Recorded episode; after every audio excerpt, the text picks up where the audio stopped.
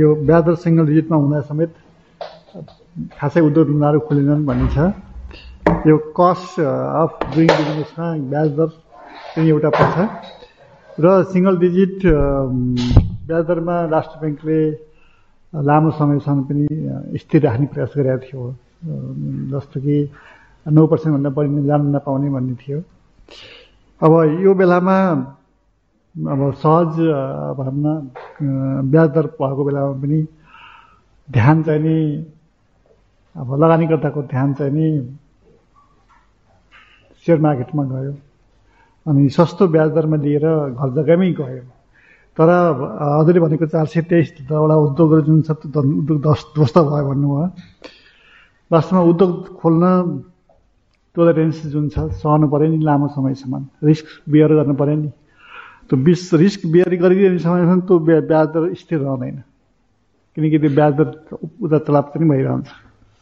त जब उता चलाप हुन्छ त्यसपछि बिजनेसले के गर्छ रिस्क रिस्कको अनुभव गर्छ भोलि के हुने कसो हुने भन्ने हुन्छ। अब अब यो कारणले गर्दाखेरिमा ब्याज दरको कारणले गर्दाखेरिमा सुनिश्चित हुन सक्ने अवस्था देखिँदैन। अब अहिले हाई ब्याज दर भयो हाई ब्याज दर गर्नुको कारण चाहिँ अरू केही पनि होइन। यो चाहिँ हाम्रो म्याक्रो इकोनोमिक ब्यालेन्स बिग्रेको कारणले असन्तुलन भएको कारणले जबकि ब्यालेन्स अफ पेमेन्ट क्राइसिस भयो अनि हामी त्यो रिजर्भ घट्यो रिजर्भ घट्ने बित्तिकै भोलि श्रीलङ्का जस्तो हुन्छन् कि पेट्रोलै आयात गर्न सक्दैनौँ कि बेसिक निड्सै आयात गर्न सक्दैनौँ कि औषधि आयात गर्न सक्दैनौँ कि भन्ने भयो। त्यो कारणखेरिमा इम्पोर्टमा बलजफ्ती रेस्ट्रिक्सन लगाएर हाम्रो भनौँ न भ्यालुएबल हाम्रो कन्जर्भे फरेन एक्सचेन्जको रिजर्भ जुन छ त्यसलाई बचाउनेतर्फ हामी लाग्यौँ। त्यो लाग्दाखेरि बित्दा के भने ब्यालेन्स अफ नेगेटिभ हुने बित्तिकै त अनि ब्यालेन्स अफ पेमेन्ट नेगेटिभ हुने बित्तिकै त ब्याज दरलाई माथि गइहाल्यो। किनकि डिस्करेज गर्नु पऱ्यो इम्पोर्ट यो कारणले गर्दाखेरिमा अब अहिले जसकै प्रताडित हुनु परेको स्थिति छ कि र त्यसै गरेर यो उद्योग धन्दाहरू मरे भन्ने हुन्छ। अब श्रम यहाँको श्रम बाहिर लैजाने तर यहाँ चाहिँ काम गर्न नपाउने अनि इन्डियनहरूले बाहिरबाट चाहिँ आफ्ना मान्छेहरू लिएर आउने गर्ने हुनुले यो चाहिँ असाध्यै दुःखको कुरा हुन्। हाम्रो मेन पावरले यहाँ बसेर काम गर्न चाहेनन्। अब कि उनीहरूले सबैपट्टि के भयो भने बाहिर नै बढी रिटर्न छ बाहिर नै बढी श्रमको वेज बढी छ त्यहाँबाट आयो भने जीवन बन्छ यहाँ बसेर काम गरेर केही पनि हुँदैन भन्ने छ। किन त्यस्तो भयो भन्दाखेरिमा यहाँको मनीले जुन वेजले मनीले खासै मान्छेको जीवनयापनमा सहयोग पुर्याएको अवस्थाहरू देखिँदैन। त्यसै कारणले मान्छेको चाहना नै विदेश जाने भयो। अब विदेशमा के भयो? टेक्नोलोजी हाई छ। हाई टेक्नोलोजीमा सामान्य मे मे चाहिँ लेबर गर्ने बित्तिकै पनि उनीहरूले नेपालीको जुन इमान्दारिता छ नेपालीहरूको इमान्दारितालाई प्रयोग गरेर उनीहरूले फाइदा कमाइरहेको छन्। तर यहाँ लो वेज रेटको कारणले सेभिङ कम हुनेको भएको कारणले पनि हामीले वेजको सन्दर्भमा हामीले मिलाउन सकेनौँ। त्यसले गर्दामा यो एउटा वेजमा सन्दर्भमा लेबर मार्केटको सन्दर्भमा वेजको सन्दर्भमा हामीले परिवर्तन गर्नुपर्छ भन्ने जस्तो मलाई लाग्छ।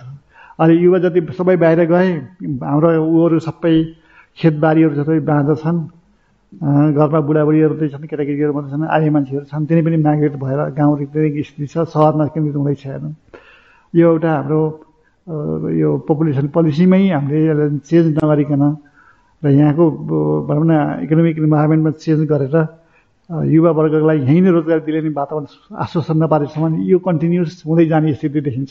अब एउटा लेबर त्यहाँ जाने बित्तिकै चुपचाप लाएर काम गर भनेपछि सुई काम गर्ने। यहाँ यो त्यही लेबरले यहाँ काम गराउनु पर्ने हामीलाई बाह्र सत्ताइस पसिना टाउकोबाट पसिना त्यहाँदेखि दाँतबाट पसिना आउँछ हेर्नु। अनि उनीहरूलाई कामै लगाउन नसकिने स्थिति हुन्छ। अब त्यो के त के? त्यो कारण के त भन्दाखेरि मतलब अलिक बढी पैसा भएर एकभन्दा ड पैसाको डरले लोभले गर्न सक्थ्यो होला। तर यहाँ चाहिँ अब हाई प्रोडक्टिभिटी हाई रिटर्न्स हुने प्रोजेक्टहरू पनि त्यति उसलाई धेरै तलब दिएर अनि धेरै मुनाफा हुने स्थिति यहाँ पनि छैन। यहाँको इकोनोमिक इन्भाइरोमेन्टले त्यो हामीलाई दिँदैन हेर्नु। त्यो कारणले गर्दाखेरिमा पनि वेज त्यो लेबरको चर्को स्वर हुने कारण थियो।